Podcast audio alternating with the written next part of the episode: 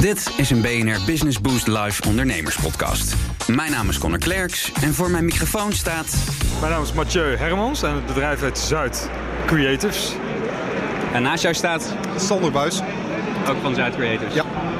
Heren, eh, laten we eh, bij jou beginnen, Mathieu. Wat, wat doen jullie in het kort? Ehm, we zijn een reclame, content en internetbureau eh, in één. En eh, kort gezegd zorgen we ervoor dat mensen bij merken terechtkomen eh, en andersom. En daar gebruiken we strategische creativiteit voor, zou je kunnen zeggen. Wat betekent dat? Dat betekent dat je goed nadenkt over wat een merk is, waarom het op de wereld is. En hoe je dat zo slim mogelijk uitlegt aan eh, mensen voor wie het bedoeld is. Zowel B2B als B2C. En dat, eh, ja, dat eh, leidt tot campagnes, websites, slimme brand identities, nieuwe merknamen, et cetera. En wat voor, wat voor bedrijven richten, richten jullie je? Eh, nou, op, op allerlei bedrijven, maar ze moeten wel enige schaalgrootte, maar vooral veel ambitie eh, hebben.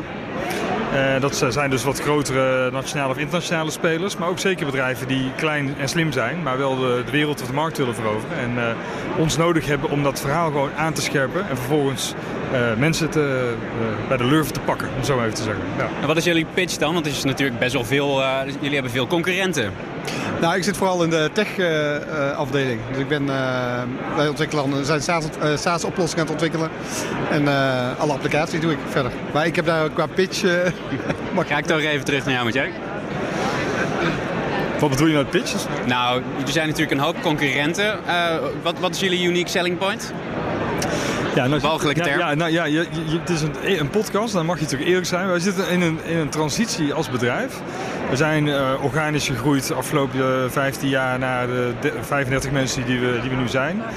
Eh, maar we vinden wel dat er iets eh, nieuws moet komen eigenlijk. En eh, dat er eh, dat iets mag, mag veranderen aan de bureaus in het algemeen. Dat zijn wij, maar dat zijn ook zeker eh, al onze concurrenten en collega's in het veld.